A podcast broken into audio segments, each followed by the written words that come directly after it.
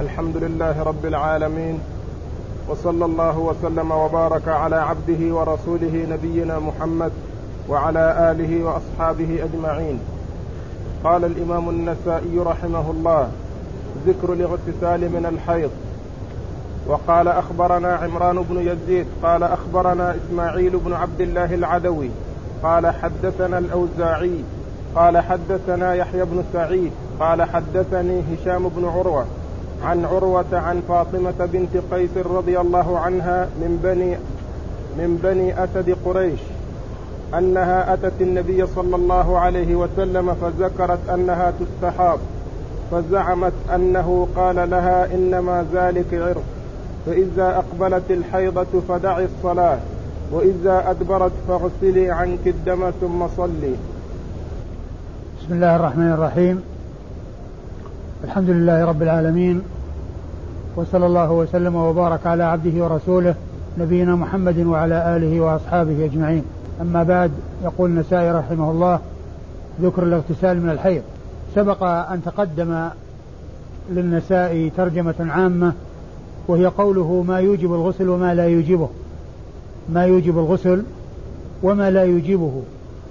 وأتى بأشياء آه، ذكر منها هنا هذه الترجمة وهي الاغتسال من الحيض. يعني أن هذا مما يوجب الغسل. الاغتسال من الحيض من الحيض والانتهاء منه يجب الغسل عنده. فهو من موجبات الغسل الذي هو انقطاع الحيض. وقد أورد النسائي رحمه الله تعالى في هذا عدة أحاديث.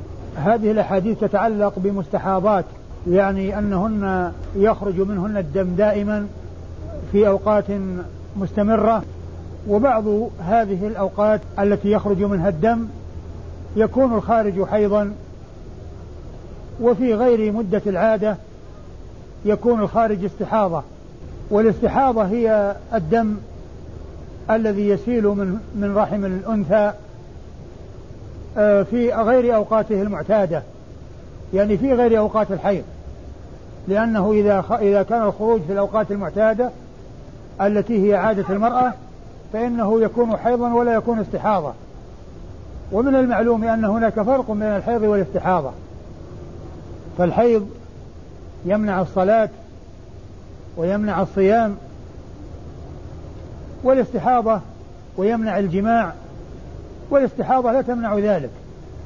فيمكن معها الصيام والصلاة والجماع وإنما الذي يمنع منه في حال الحيض. فهناك فرق بين الحيض والاستحاضة. النسائي أورد عدة أحاديث هي تتعلق بالمستحاضات لكن النبي عليه الصلاة والسلام أمرهن بأن يعرفن عادة الحيض ويتركن الصلاة في خلالها وإذا انقضت العدة وذهبت المدة التي هي مدة الحيض فإنها تغتسل من الحيض وتصلي. يعني معناها أنها أن تركها للصلاة في حال حيضها هذا أمر لازم. ولكن إذا فرغ إذا انتهى الحيض وحصل الاغتسال منه فإن الصلاة يلزم الإتيان بها ولو كان الدم سائلا يعني فيما هو زائد على الحيض اللي هو مدة الاستحاضة وقت الاستحاضة. قال ثم اغسلي عنك الدم وصلي. فقيل إن قوله اغسلي عنك الدم المراد منه أنها تغسل الدم عن عن جسدها وفرجها وما كان تلوث منها وتغتسل مع ذلك وتصلي. وقيل أن المراد بغسل الدم هو الاغتسال. قيل أن المراد هنا كونها تغسل الدم يعني تغتسل. ولكن كما هو معلوم لا بد من غسل الدم وإزالة النجاسة التي صارت بسبب الحيض والتي نتجت عن الحيض والاغتسال لا بد منه لأنه واجب ومتحتم وهو من من الأغسال الواجبة التي لا بد منها. فهذه المرأة وهي فاطمة بنت قيس وهي مستحاضة سألت رسول الله صلى الله عليه وسلم عن ما حصل لها فقال لها عليه الصلاة والسلام إن إنما ذلك عرق. نعم. إنما ذلك عرق فإذا أقبلت حيضتك فدع الصلاة وإذا انتهت فاغسلي عنك الدم وصلي. والمقصود من إيراد الحديث هنا الاغتسال من الحيض. وذلك بعد أن تنتهي مدة الحيض. تغتسل وتعود إلى الصلاة ولو كان دم الاستحاضة مستمرا معها لأن دم الاستحاضة لا يمنع الصلاة. والفرق بين دم الحيض ودم الاستحاضة هناك فروق تعرفها النساء يعني منها اللون ومنها الرائحة ومنها أوجاع تحصل عند الحيض وغير ذلك من الصفات والهيئات التي يتميز بها دم الحيض عن دم الاستحاضة. تعيد المتن؟ عن فاطمة بنت قيس رضي الله عنها أنها أتت النبي صلى الله عليه وسلم فذكرت أنها تستحاف فزعمت أنه قال لها إنما ذلك عرق. زعمت المراد بالزعم هنا القول المحقق وليس القول المشكوك فيه لأن الزعم يأتي للمشكوك فيه ويأتي للقول المحقق وهنا من القول المحقق يعني معناها معناها معناها أنها أخبرت خبرا محققا أن النبي عليه الصلاة والسلام قال لها إنما ذلك عرق. يعني هذا الدم الذي يسيل منها بصفة دائمة هذا ليس حيضا وإنما هو استحاضة وهو عرق يسيل بصفة مستمرة وهذا لا يمنع الصلاة. ولكن إذا جاءت الحيضة المعتادة التي كانت تعرف إنها تأتيها في في الشهر في, في اليوم الفلاني من الشهر أو في الوقت الفلاني من الشهر وتعرف ذلك أيضا بالعلامات الأخرى التي هي اللون والرائحة والأوجاع التي تصيبها عند الحيض فإنها تترك الصلاة مدة حيضها وبعد اغتسال وبعد انقطاع الدم عنها فإنها تغتسل وتصلي. ولا ولا تترك الصلاة في حال استحاضتها لأن هذا شيء لا لا قدرة للإنسان عليه ولا وليس بمحدد. وهو مثل سلس البول. مثل سلس البول والريح التي تخرج بصفة دائمة لا تمنع الصلاة. فالإنسان يصلي. ولو كان معه سلس البول إذا كان مستمرا. وكذلك من يخرج منه ريح دائمة فإنه يتوضأ ويصلي ولا يمتنع من الصلاة. وكذلك المستحاضة فإنها لا تمتنع إلا في المدة التي يكون الحيض يأتيها بها. إنما ذلك عرق فإذا أقبلت الحيضة فدعي الصلاة وإذا أدبرت فاغسلي عنك الدم ثم صلي. لأن دم الاستحاضة مستمر ودم الحيض يأتي في وقت محدد فهي في وقت الحيض الذي يأتيها ويجتمع مع الاستحاضة ويكون مع الاستحاضة مع دم الاستحاضة هذا تترك الصلاة من أجل الحيض. وإذا انتهت مدة الحيض وأدبرت مدة الحيض فإنها تغتسل وتصلي ولا يمنعها الدم المستمر معها بسبب الاستحاضة من الصلاة لأن هذا مثل سلس البول. نعم. أما إسناد الحديث؟ قول أخبرنا عمران بن يزيد.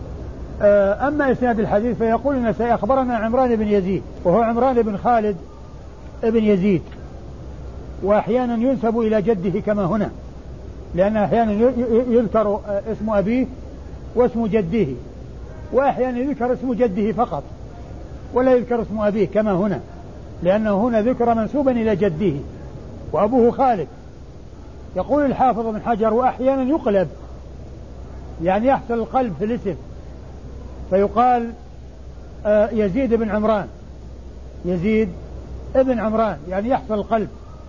وهذا كما سبق أن تقدم آه إبراهيم آه ابن قارض أو عبد, عبد إبراهيم بن عبد الله بن قارض أو عبد الله بن إبراهيم بن قارض.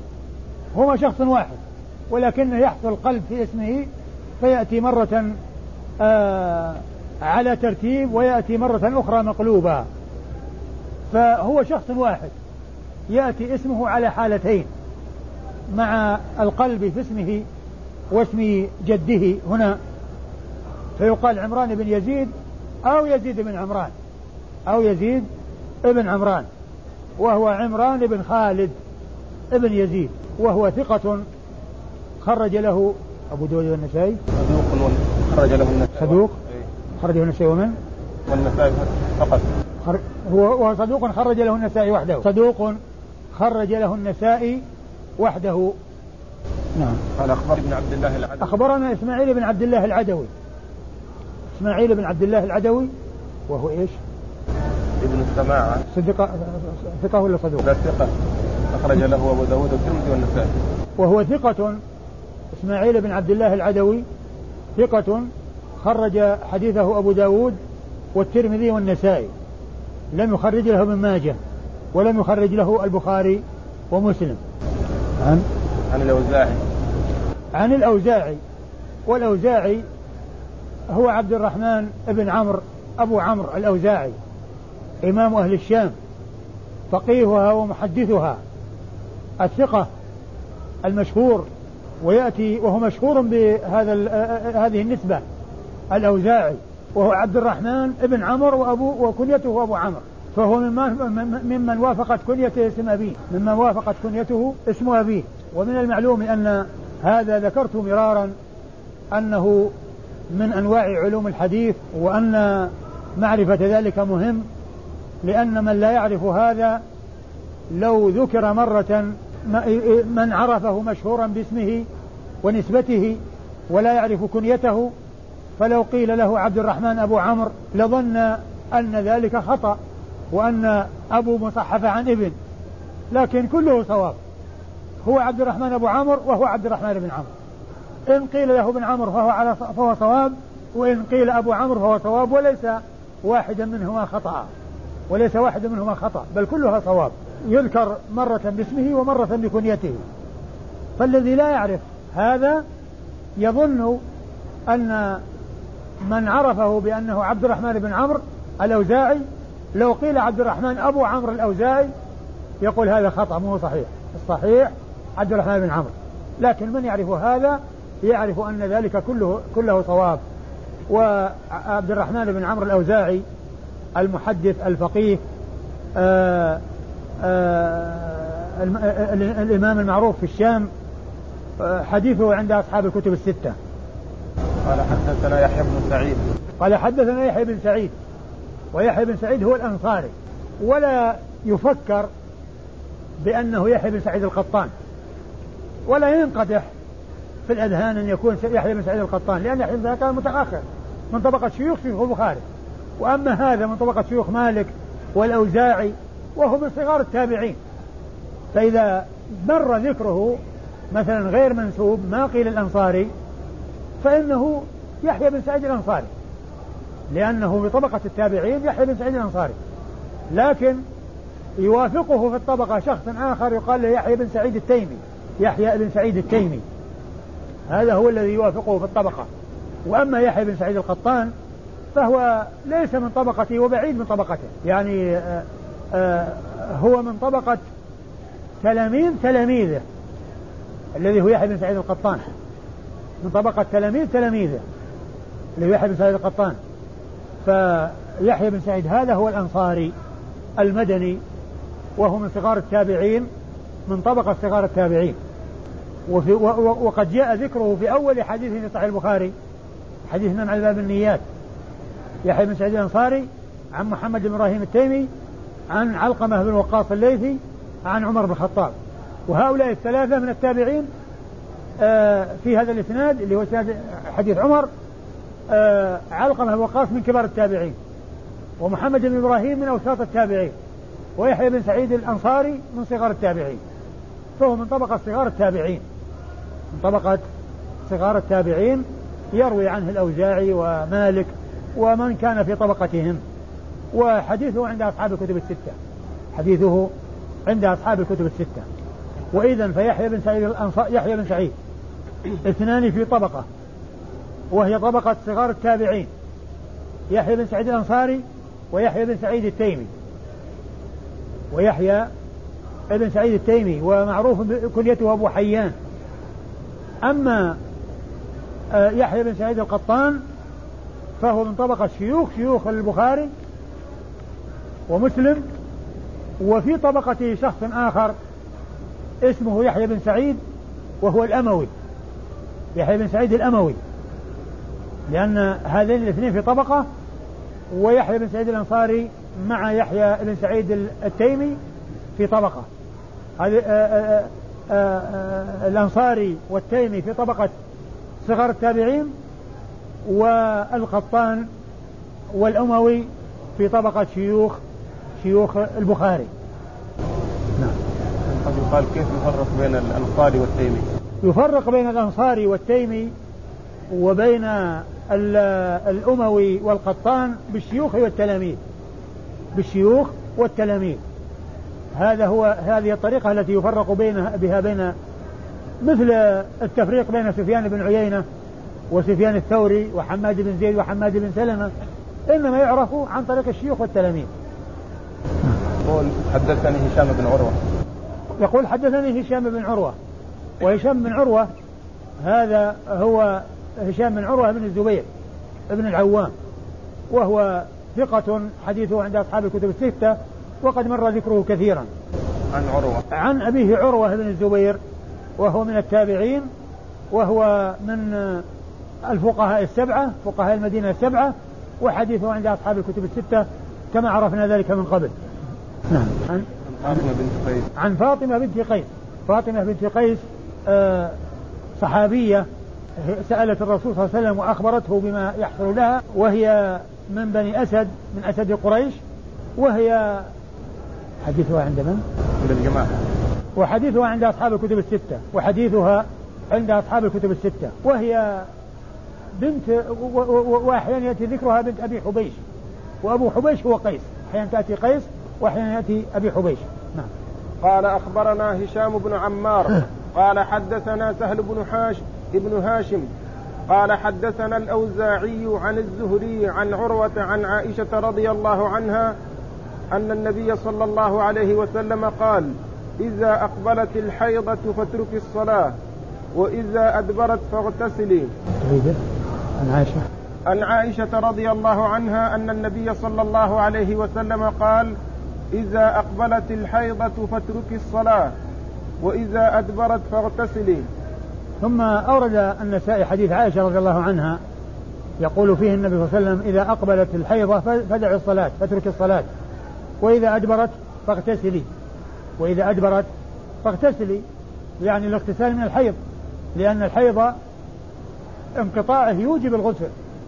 انقطاعه يوجب الغسل.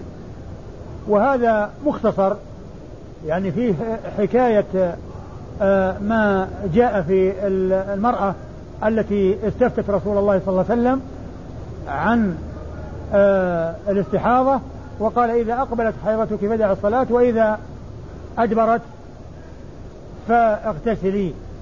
والحديث جاء من طرق جاء من طرق متعددة ذكرها المصنف ولكنه ذكره هنا مختصر. وإسناد الحديث أخبرنا هشام بن عمار أخبرنا هشام بن عمار. وهشام بن عمار هذا صدوق أخرج له البخاري وأصحاب السنن الأربعة. أخرج له البخاري وأصحاب السنن الأربعة. عن هاشم؟ سهل بن هاشم. عن سهل بن هاشم. وسهل بن هاشم هذا صدوق خرج له النسائي. صدوق؟ لا بأس به. لا ب... نعم لا بأس به. لا بأس به وخرج له النسائي وحده. أيوه. قال حدثنا الأوزاعي ثم قال حدثنا الأوزاعي وقد مر في الإسناد الذي قبل هذا. عن الزهري. عن الزهري والزهري آه هو الإمام المعروف المشهور في المدينة وهو من المحدثين الفقهاء وممن جمع حديث رسول الله صلى الله عليه وسلم بل إنه هو الذي تولى تدوينه بتكليف من عمر بن عبد العزيز رحمة الله عليه وهو من رجال الجماعة كما عرفنا ذلك مرارا وتكرارا. نعم. عن عروة عن عائشة. عن عروة عن عائشة. عن عروة عن عائشة. وهذا مثل الإسناد الذي قبله إلا أن فيه آه فيه آه الزهري. يعني هناك الإسناد اللي قبله. الأوزاعي عن يحيى بن سعيد. الأوزاعي عن يحيى بن سعيد وهنا عن هشام بن عروة. وهنا عن عن الزهري عن عروة بن الزبير. يعني هنا يكون الطريق اخصر لأن الأول فيه آه، هشام آه، آه، يحيى بن سعيد وهشام بن عروة وهنا الأوزاعي عن الزهري عن عروة. نعم. قال أخبرنا عمران بن يزيد قال حدثنا إسماعيل بن عبد الله قال حدثنا الأوزاعي قال حدثنا الزهري عن عروة وعمرة عن عائشة رضي الله عنها أنها قالت استحيضت أم حبيبة بنت جحش سبع سنين. فاشتكت ذلك إلى رسول الله صلى الله عليه وسلم. فقال رسول الله صلى الله عليه وسلم إن هذه ليست بالحيضة ولكن هذا عرق فاغتسلي ثم صلي. ثم أورد النسائي رحمه الله حديث عائشة رضي الله تعالى عنها الذي ذكرت فيه أن أم حبيبة بنت جحش وهي أخت زينب بنت جحش أم المؤمنين آه، شكت إلى رسول الله صلى الله عليه وسلم أنها تستحاض.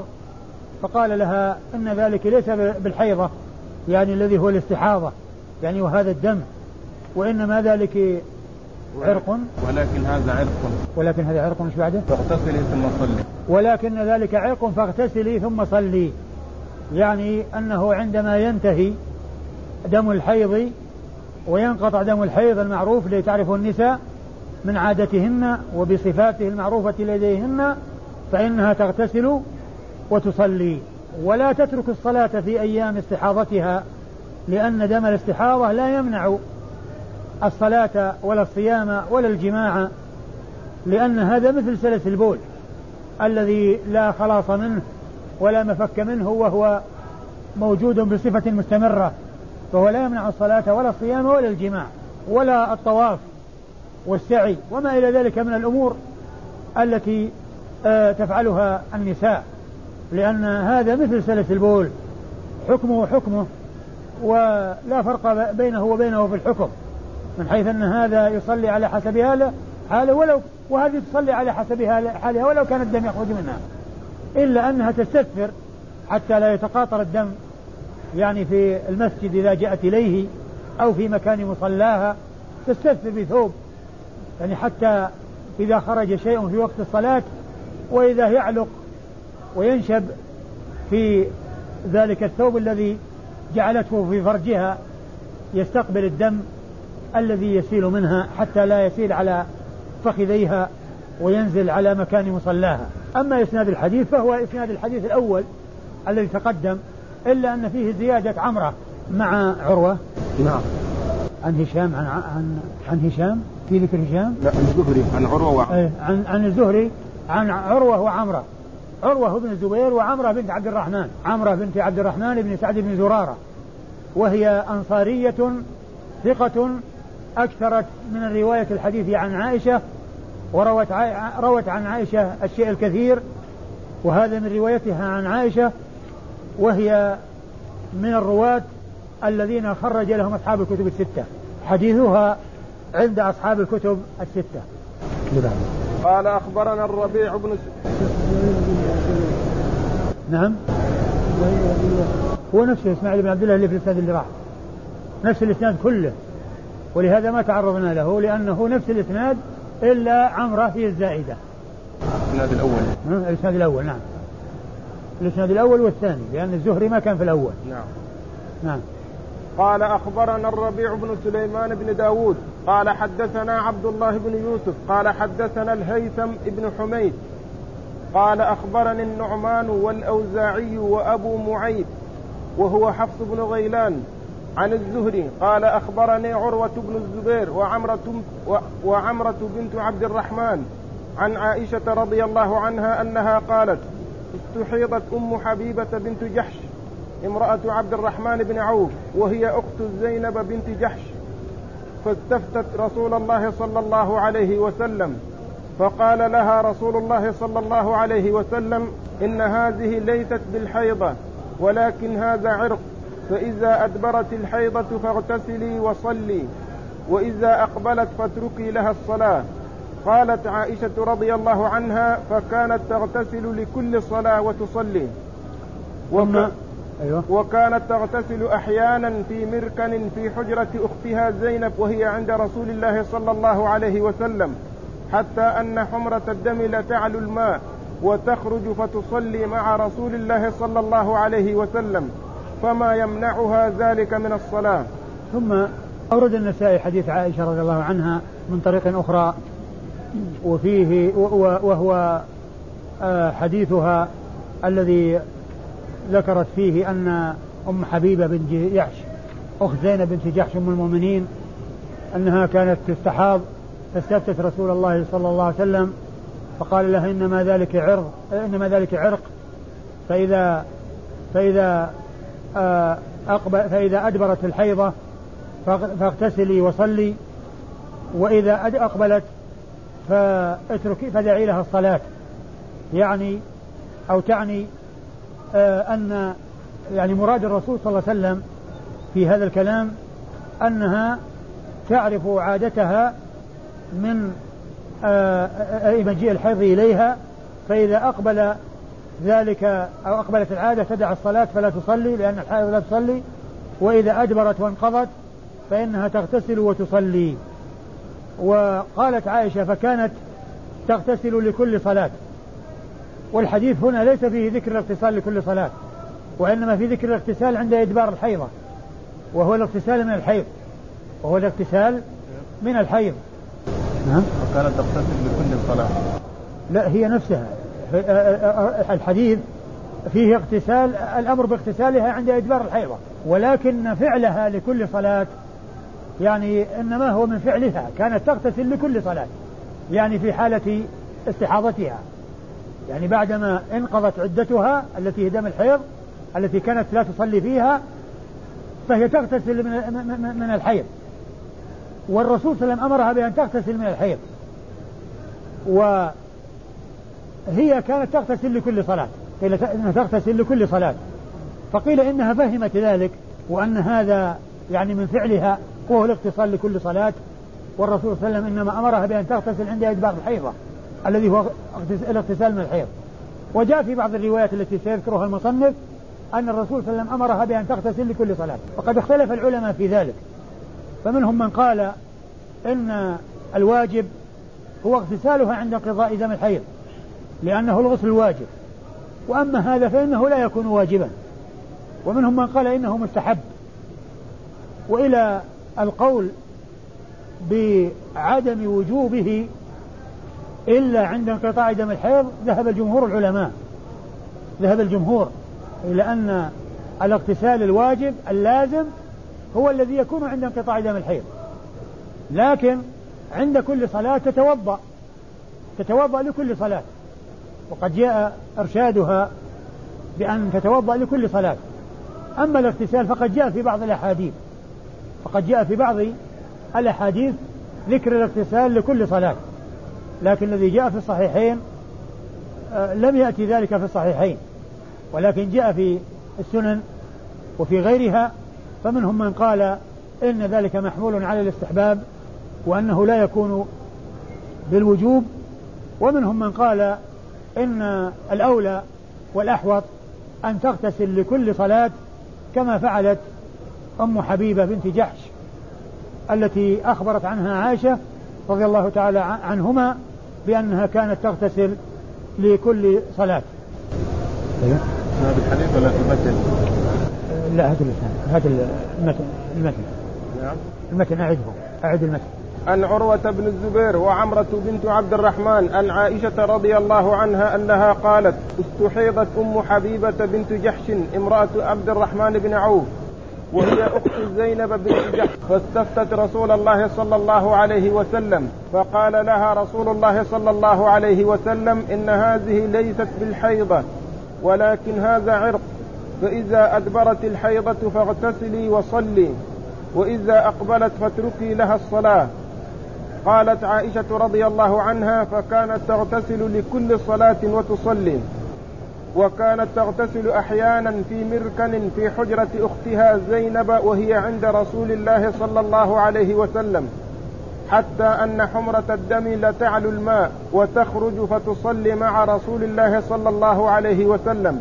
فما يمنعها ذلك من الصلاة. ثم ذكرت أنها كانت تغتسل يعني في حال آه، استحاضتها في مركن يعني في آه، آه، في وعاء أو إناء أو مكان معين تغتسل فيه فتطفو الحمرة على الدم ثم تستثفر وتذهب تصلي مع رسول الله صلى الله عليه وسلم في المسجد.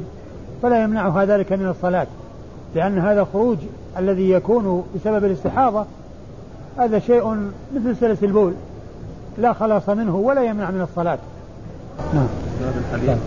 أما إسناد الحديث يقول أخبرنا الربيع بن سليمان بن داود. أخبرنا الربيع بن سليمان بن داود وهذا هو الجيزي المصري المرادي وهو آه وهو وفي المصريين رجل آخر بهذا الاسم الربيع بن سليمان إلا أنه ابن عبد الجبار. هذا الربيع بن سليمان بن داود وذاك الربيع بن سليمان ابن عبد الجبار. وقد جاء في بعض الأحاديث الماضية ذكر الربيع بن سليمان وحده. الربيع بن سليمان وحده هنا ذكر ما يميزه عن ابن عبد الجبار وهو ابن داود وهو ثقة خرج له أبو داود النسائي نعم. خرج وهو ثقة خرج له أبو داود والنسائي فقط ولم يخرج له الترمذي ولا ابن ماجه ولم يخرج له صاحب الصحيح. عن عبد الله بن يوسف. عن عبد الله عبد الله بن يوسف هو التنيسي هو التنيسي الذي سبق أن مر ذكره وقد خرج حديثه البخاري.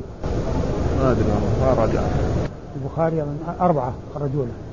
ما رجعت ما رجعته؟ مرة. نعم ما نعم. ما هو التقريب موجود؟ لا تقريب موجود شوف عبد الله بن يوسف التنيسي هو ثقة خرج في البخاري وثلاثة معه ما أدري ما أذكرهم الآن. ها؟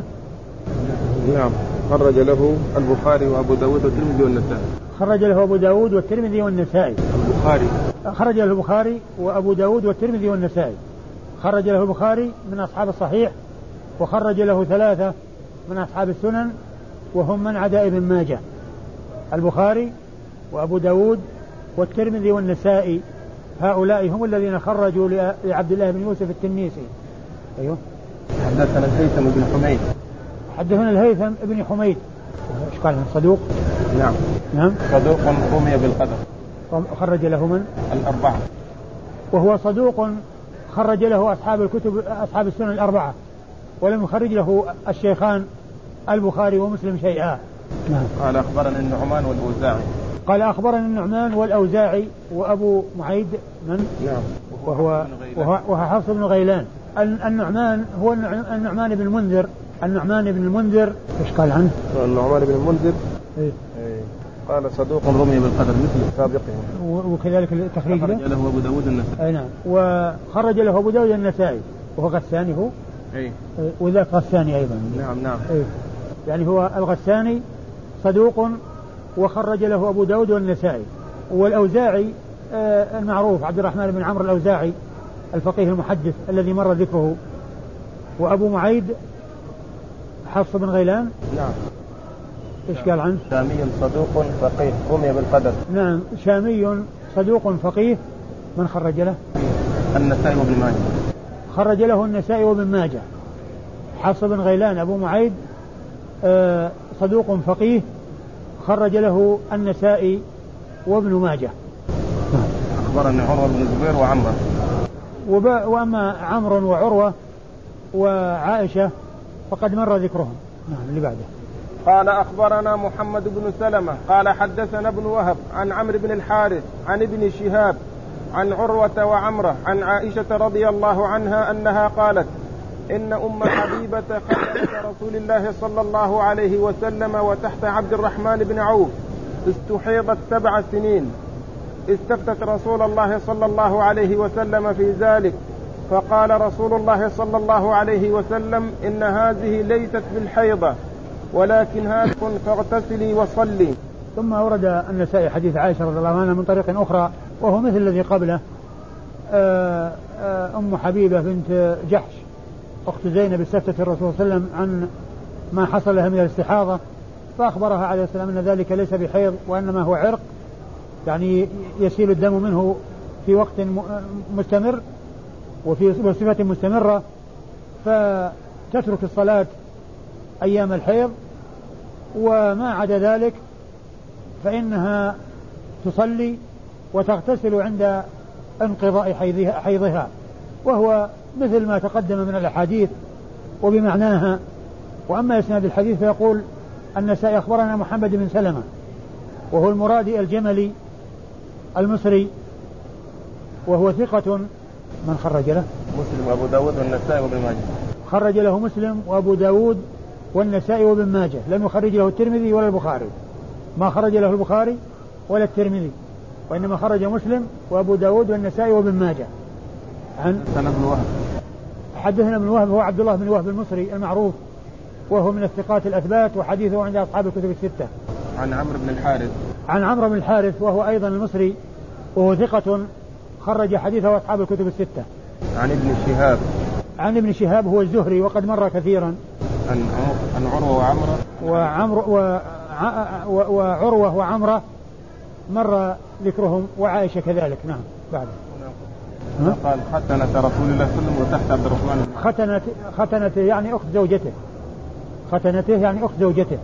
لأن زوجته زينب بنت جحش وهذه وهذه أختها التي هي أم, سل... أم حبيبة بنت جحش.